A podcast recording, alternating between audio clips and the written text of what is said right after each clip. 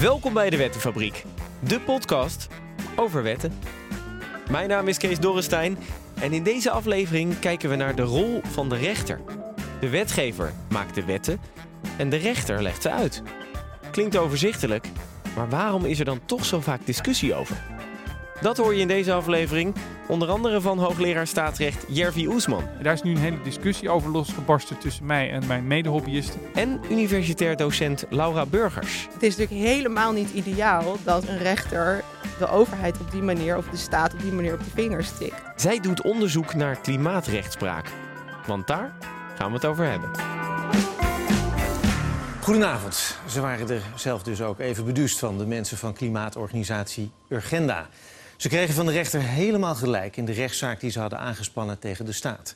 Nederland moet veel meer doen om de uitstoot van broeikasgassen terug te dringen. Anders gezegd, het berusten in een geringere reductie is onrechtmatig tegenover de agenda.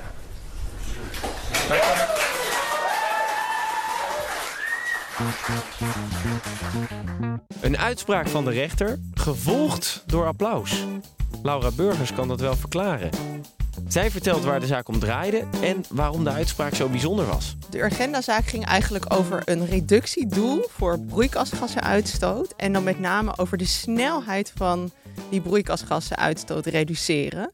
De Nederlandse overheid was eerst van plan dat tamelijk snel te gaan doen. 30% ten opzichte van 1990 in het jaar 2020. Eh, en heeft dat aantal op een gegeven moment teruggeschroefd naar 20. En toen eh, trok de stichting Urgenda aan de bel. Zei dat is te langzaam. Je moet al eerder sneller reduceren.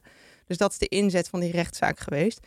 En uiteindelijk heeft de rechter die stichting Urgenda gelijk gegeven en gezegd: inderdaad, in 2020 moet je minimaal 25% al reduceren. En de beslissing luidt dan als volgt. De rechtbank beveelt de staat om op de vordering van uw agenda voor zover optredend voor zichzelf het gezamenlijke volume van de jaarlijkse Nederlandse emissies van broeikasgassen zodanig te beperken of te doen beperken dat dit volume aan het einde van het jaar 2020 met ten minste 25% zal zijn verminderd in vergelijking met het niveau van het jaar 1990. Dat was de eerste keer dat een overheid echt een specifiek reductiepercentage werd opgedragen. Dus dat was eigenlijk uniek.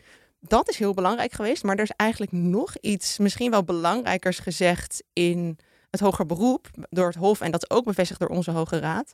Namelijk dat door te weinig broeikasgassen eh, uitstoot terug te dringen, de staat mogelijk mensenrechten schendingen begaat. En dat is inmiddels helemaal mainstream geworden. Dus wat dat betreft heeft deze zaak ook echt een doorbraak be- betekend. Namelijk het, het klimaat is een mensenrechtenkwestie. De Hoge Raad zal nu uitspraak doen. Het Europees Verdrag tot bescherming van de rechten van de mens verplicht de staten die bij het verdrag zijn aangesloten om hun ingezetenen de rechten en vrijheden te verzekeren die in het verdrag zijn vastgelegd. Artikel 2 van het verdrag beschermt het recht op leven en artikel 8 het recht op eerbiediging van privé, familie en gezinsleven. Er is heel veel kritiek gekomen vanuit met name staatsrechtgeleerden, maar ook vanuit vele anderen. Dat dat Urgenda-vonnis vonnis te ver zou gaan. En een van de gebezigde argumenten dan was dat het een glijdende schaaleffect zou hebben. En dat nu de rechter op alle beleidsterreinen eigenlijk zou kunnen gaan zeggen wat de overheid moest doen. De landsadvocaat, de advocaat van de staat, kwam ook met die kritiek. Ik vind het wel belangrijk dat, eh, dat dit proces plaatsvindt. Ik denk zelfs dat ook de, de, de staatssecretaris dat belangrijk vindt. Maar wat ik, daar ben ik echt diep van overtuigd vind, is dat deze zaak, dat in deze zaak de rechter niet een oordeel zou moeten vellen over eh, het gewenste reductieniveau. Het hoort thuis bij, bij, eh, in, bij, de, bij de regering en bij de wetgever. Ja, maar ik denk wel dus dat het in die klimaatzaken mogelijk ook anders kan zijn dan in ander soort zaken. Juist omdat het klimaatprobleem zo'n gigantische crisis is. Waar ook de mensenrechten sch- schendingen van een existentieel niveau zijn. Dus rechtelijk ingrijpen op dat gebied vind ik meer voor de hand liggen dan misschien op sommige andere gebieden. De staatssecretaris van Infrastructuur en Milieu, Wilma Mansveld, vond het niet voor de hand liggen en ging in hoger beroep tegen de uitspraak van de rechtbank. Vraag is natuurlijk, uh, um, ja, welke ruimte heeft een kabinet om beleid uh, uit te voeren? En um, ja, welke rol spreekt de rechter daar dan in? Nou ja, we hebben natuurlijk in Nederland de scheiding der machten. Dat is in, in, bijna alle democratieën zo. En het is natuurlijk belangrijk dat we kijken wie welke rol heeft en hoe die uitgevoerd wordt.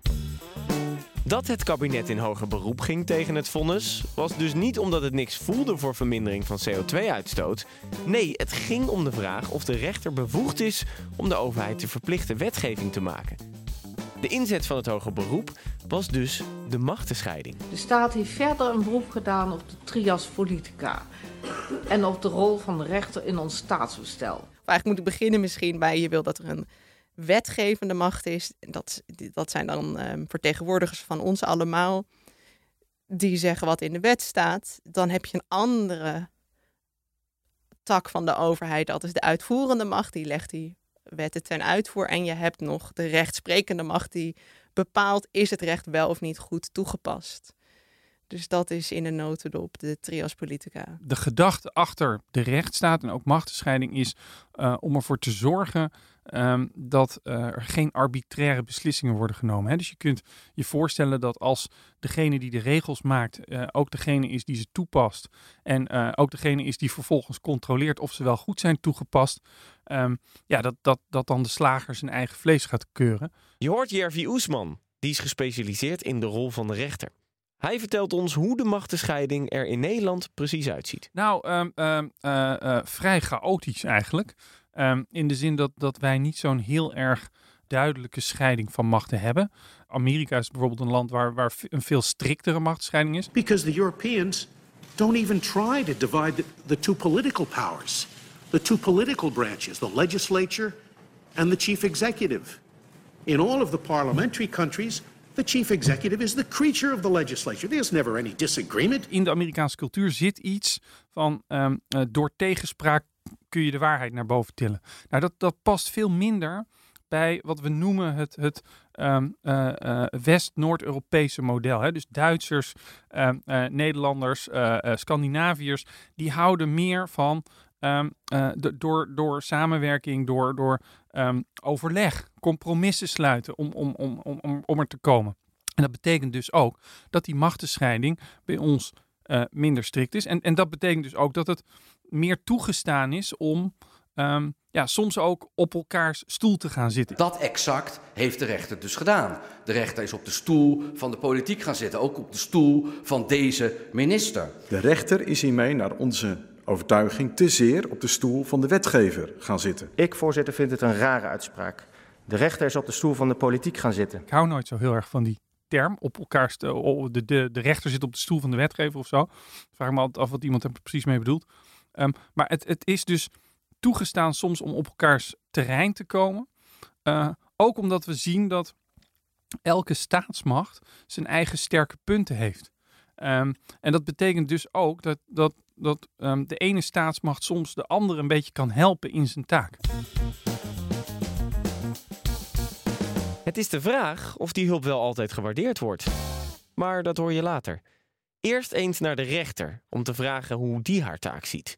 Dineke de Groot is president van de Hoge Raad. Ja, de verhouding tussen de taken van de rechter en de wetgever eh, bekijk ik natuurlijk vooral vanuit de taken van de rechter. En dat is een, uh, een rol in de trias politica, waarin de wetgevende en de uitvoerende macht samenwerken met de rechtelijke macht. En waarbij de, de rechter tot taak heeft om uh, de rechtsregels toe te passen in het individuele geval. Dat betekent dat de rechter de wet tot uitgangspunt neemt en uh, de wet toepast.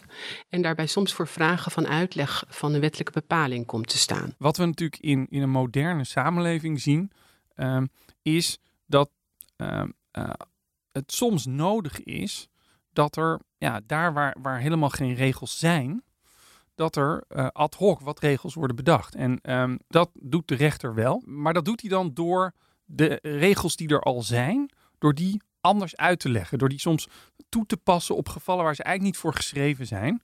En, zo zie je dat zo'n rechter wel um, uh, beperkt uh, algemene regels kan maken. Bij de uitleg van wettelijke bepalingen ziet de rechter natuurlijk ook wel eens situaties waar je je afvraagt of wetgeving ja, wel helemaal in orde is of er niet iets aan mankeert. Dat zijn vaak situaties waarin in een uitspraak uh, te zien is dat de Hoge Raad dat ook heeft geconstateerd en daar ook een oplossing voor heeft geprobeerd te vinden. We leven in een heel complexe samenleving waar uh, uh, wetgeving heel, heel complex is, um, waar het ook heel moeilijk is om, om um, te besturen. en, en dan mag die rechter, die mag best die wetgever een beetje helpen. en die, die rechter heeft denk ik ook een belangrijke rol bij het, het beschermen van minderheden. Groepen die bijvoorbeeld weinig uh, in, in het parlement uh, uh, een stem hebben. Um, en die, die kan die, die grondrechten, met name dan hè, dat Europees Mensenrechtenverdrag, gebruiken als een manier om um, de, de wetgever en het bestuur soms ook een beetje te dwingen om beter na te denken over keuzes. Um, en ook vooral beter uit te leggen. Hoge Raad heeft eigenlijk diverse mogelijkheden om iets te doen als uh, het idee bestaat dat wetgeving onvolkomen is. Vaak kun je een oplossing in de zaak zelf bereiken. Uh, door binnen de wetgeving, binnen het bereik van de wetgeving, in de omstandigheden van het geval, een oplossing te zoeken die niet in strijd is met de wet, maar toch ook recht doet aan de hand van de rechtsregels, aan de omstandigheden in het individuele geval. Als dat uh, niet kan en er moeten uh, keuzes worden gemaakt die echt op, de op het terrein van de wetgever liggen en waar de rechter niet in kan treden, dan kan de Hoge Raad dat ook benoemen. Ja, en in een, in een heel enkel geval komt het ook voor dat de rechter zowel ziet dat er iets niet goed is, als ook de echte oplossing zelf kan aandragen. Dat zit er dan een beetje tussenin. Dit is mijn beslissing. De zaak is afgedaan. Dank u wel. De rechter kan soms zelf een oplossing aandragen. Maar daar zitten wel grenzen aan. Zo kan de rechter niet bepalen dat de wetgever de wet moet aanpassen, vertelt Jervi Oesman. Nee, dat mag hij niet. Um, en dat heeft de Hoge Raad eigenlijk ook al, al 15, 20 jaar geleden uh, vrij helder gezegd. Um, uh, kijk, de, de, de, de, rechter kan waarschuwen. Hij kan, hij kan uh, signalen geven. Nou, dit, dit is onverstandig. Um, de rechter mag ook wetten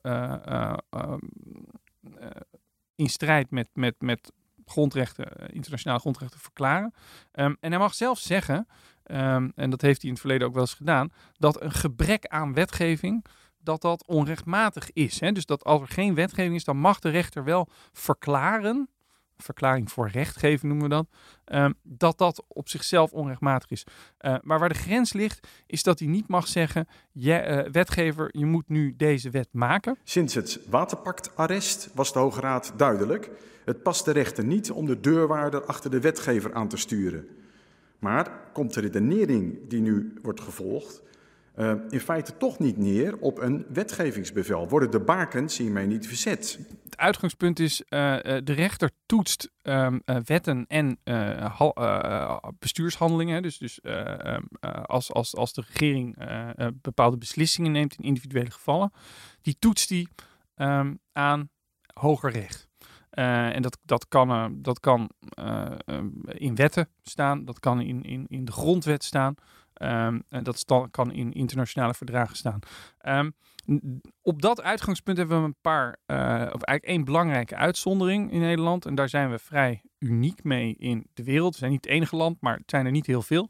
Um, uh, wij, hebben in Nederland in de grondwet staan, uh, in artikel 120, dat het niet aan de rechter is om wetten ongrondwettig te verklaren. In elke democratie hebben we eigenlijk te maken met, met een, een, een hele moeilijke afweging. Aan de ene kant willen we dat er een soort van scheiding van de machten is. Maar aan de andere kant wil je ook dat de volksvertegenwoordiging het laatste woord heeft. Maar in Nederland hebben we behoorlijk veel nadruk gelegd op het feit dat uiteindelijk de politiek, de volksvertegenwoordiging, de doorslag geeft.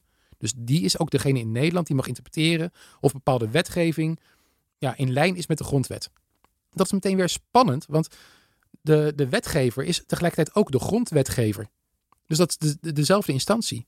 Dus als die zegt, ja, uh, deze wet vind ik in lijn met de grondwet, wie houdt die persoon dan tegen? Je hoort politicoloog Tom van der Meer. Hij was lid van de Staatscommissie Parlementair Stelsel. Die pleitte voor de invoering van een constitutioneel hof. De commissie wilde graag dat rechters aan dat hof kunnen vragen om wetten te toetsen aan de grondwet. Als je een constitutioneel hof instelt, dat zijn maar een paar rechters die zouden mogen toetsen, alleen maar op verzoek van individuele rechters op lagere niveaus. Als die mag toetsen, kan die misschien wel bepaalde uh, wetgeving voor hele specifieke gerichte casussen even buiten werking stellen. Maar die legt daarmee in feite uh, de wet terug bij de wetgever met een soort van opmerking van ja, in deze casus kan deze wet niet, gegeven onze grondwet. Dus bedenk een list. Kom met zelf met een oplossing. Dan hou je het initiatief voor de wetgeving bij de wetgever. Maar heb je ook een onafhankelijke toetsing daarvan. Dat is hoe een constitutioneel hof zou kunnen functioneren. En op die manier is het een soort van ja, uitlaatklep of een ventiel, een noodventiel voor het functioneren van de democratie. Want stel je nou eens voor dat we in Nederland wetgeving krijgen die echt bijna haak staat op de grondwet. Wie is dan in staat om dat te corrigeren? Nou, de Hoge Raad, de president en de procureur-generaal bij de Hoge Raad hebben in het verleden al drie keer geadviseerd over de vraag of constitutionele toetsing in Nederland een plek zou kunnen krijgen. En de strekking daarvan is telkens geweest, als de wetgever daaraan behoefte heeft, dan pleit er uh, ja, juridisch eigenlijk niet zoveel tegen. En het coalitieakkoord geeft een duidelijke opdracht om met constitutionele toetsing aan de slag te gaan. Ik wil nu niet vooruitlopen op de precieze vorm en invulling hiervan. Daarover moeten we ook binnen het kabinet het gesprek voeren. Constitutionele toetsing lijkt er dan toch te gaan komen. Maar, zoals Jervi Oesman al zei, de rechter toetst nu al wetten aan internationale verdragen. Hoe communiceert de rechter daarover eigenlijk met de wetgever? Er vindt zeker communicatie plaats tussen de wetgever en de rechter. Natuurlijk om te beginnen al in rechtelijke uitspraken. Want die worden uh, gepubliceerd. Alle inhoudelijk gemotiveerde uitspraken van de Hoge Raad worden gepubliceerd op rechtspraak.nl. En dat is een uh, mogelijkheid voor een ieder om kennis te nemen van de uitleg van de wet door de Hoge Raad. En dus ook voor de wetgever. Een persbericht over deze zaak en de tekst, volledige tekst van de uitspraak, staan om half twaalf op de website rechtspraak.nl voor iedereen beschikbaar. Maar er vindt natuurlijk nog veel meer communicatie plaats. Bijvoorbeeld de president en de procureur-generaal hebben een uh, wetgevingsadviserende taak. In die zin dat aan hen kan worden gevraagd om een wetgevingsadvies uit te brengen over een voorgenomen wetsvoorstel. En uh, dat komt ook regelmatig voor. En die adviezen worden dan ook gepubliceerd op de website van de Hoge Raad. En we hebben dus nu een rechter die best wel uh, uh, die, die dialoog met, de beroemde dialoog met de wetgever heeft. Maar wat mij als staatsrechtjurist opvalt, is dat we hebben eigenlijk nog heel weinig um, recht, staatsrecht, normen, om die relatie tussen de rechter en de wetgever vorm te geven. Eigenlijk, en, en hiermee wil ik niet de Hoge Raad beledigen, maar het, het, het, de, de rechter is nog een beetje een goed bedoelende hobbyist in die, in die relatie tussen rechter en wetgever. De rechter kan dus laten weten dat wetgeving wat hem betreft anders moet. Maar reageert de wetgever hier dan vervolgens op? Ja, dat komt wel voor dat de, dat de wetgever naar aanleiding van een arrest van de Hoge Raad uh, weer wetgeving gaat maken. Maar het komt bijvoorbeeld ook wel voor dat dat jaren duurt en dat er allerlei uitspraken worden verzameld. Die worden meegenomen als er, als er een modernisering van een bepaalde wet plaatsvindt. En zoals de rechter iets kan vinden van wetten, zo kan de politiek iets vinden van rechterlijke uitspraken. Ik heropen de vergadering. Aan de orde is het debat over de agendazaak. Kijk, eh, je moet daar als, als, uh, als politicus voorzichtig mee zijn. En ik denk dat een heel belangrijke norm in onze rechtsstaat, en dat is, dat is denk ik wel echt kenmerkend voor de Nederlandse rechtsstaat is, is wederzijds respect. De, de Duitsers hebben daar een, een, prachtig woord voor, interorgaanrespect. Um, we noemen het in Nederland ook wel eens het beginsel van constitutionele hoffelijkheid. De staatsmachten moeten een beetje hoffelijk zijn tegenover elkaar. Um, dus je, moet dat met respect doen. Tegelijkertijd, kijk, het is wel de, taak van een politicus om uh, misstanden in de samenleving uh, te signaleren om het daar te over hebben. De heer Baudet. Dank u wel. Ja, in aanvulling op wat uh, ambtgenoot Kops hier zojuist zei, uh, wilde ik ook nog toevoegen dat de heer Moorlag wekt de indruk dat de Tweede Kamer geen kritiek zou kunnen hebben op uitspraken van rechters. Dat is natuurlijk absurd. Dat, dat, dat, de Tweede Kamer moet overal kritiek op kunnen hebben, moet overal over nadenken. En een politicus mag het oneens zijn met een rechtelijke uitspraak. Hè? Je, je, mag zeggen van nou kijk, de, rechter past deze wet op deze manier toe. Um, en dat leidt wat mij betreft uh, tot uh, uh, onjuiste of, of, onbevredigende uitkomsten. Eh, en dat betekent dus dat we die wet moeten aanpassen. Als je het zo aanvliegt, dan is daar niks mis mee. Wat we natuurlijk de afgelopen jaren hebben gezien, is dat politici ook wel um, termen gebruiken, kwalificaties. Hè, gekke werk, gekke huis, onzinnig. en, en ik denk dat dat past niet helemaal bij het, het, het soort van respect over en weer. Dat we gewend zijn. Net zoals een rechter in zijn uitspraak natuurlijk ook niet zal zeggen dat een wet gekke werk is of iets dergelijks. Voorzitter, niks, Hoge Raad, de rechters hebben zich omgedoopt tot CO2-raad, vol met klimaatgekkies die geen recht spreken, maar klimaatpolitiek bedrijven. Ja, dat is wel, dat is echt iets om je zorgen over te maken.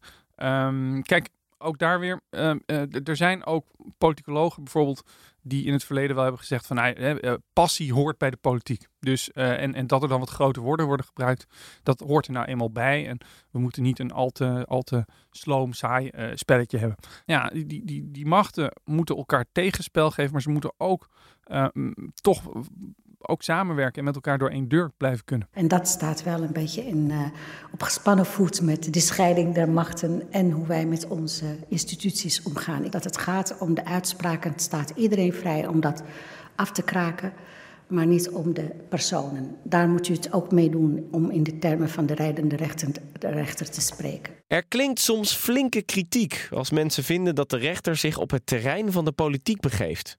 Maar volgens Jervi Oesman komt het ook voor dat de wetgever zaken bewust in het midden laat om ze door de rechter te laten invullen. Soms helpt het om een bepaalde kwestie te depolitiseren, om, om een beetje de, de politieke angel uit het debat te halen.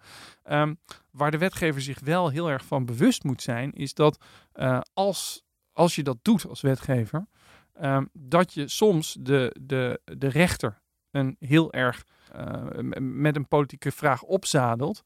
En dat kan soms schadelijk zijn voor het gezag van de rechter. Als de heer Kops het anders wil zien, hè, dan, dan uh, doet hij er naar mijn smaak niet goed aan om uh, de rechtspraak te gaan kapitelen, maar om hier dan wetsvoorstellen te doen die de norm anders leggen of die, die de wet anders maken, zodat de rechter hier zich niet over kan uitspreken. Dat is toch de geigende weg in plaats van, uh, in plaats van de rechtspraak uh, tussen hamer en aanbeeld te plaatsen. In Nederland heeft niemand het laatste woord over het recht. Omdat uiteindelijk altijd de dialoog tussen de wetgevende macht, de uitvoerende macht en de rechtelijke macht bepalend is voor hoe het recht in elkaar zit. En ook de behoeften in de samenleving daarbij zwaar moeten weewegen. En die doen dat in de praktijk ook. Dus je kunt eigenlijk het recht niet loszien van de wijze waarop het recht in de samenleving werkt. Als het op wetten aankomt, is er niet slechts één stoel. De spelers in de wettenfabriek en in de rechtspraak zijn continu met elkaar in dialoog en houden elkaar daarmee scherp en in evenwicht. Juist omdat er niemand het laatste woord heeft. Dit was de laatste aflevering van de Wettenfabriek. Maar als je er nog geen genoeg van hebt, kan je terecht op wettenfabriek.nl. Dank voor het luisteren.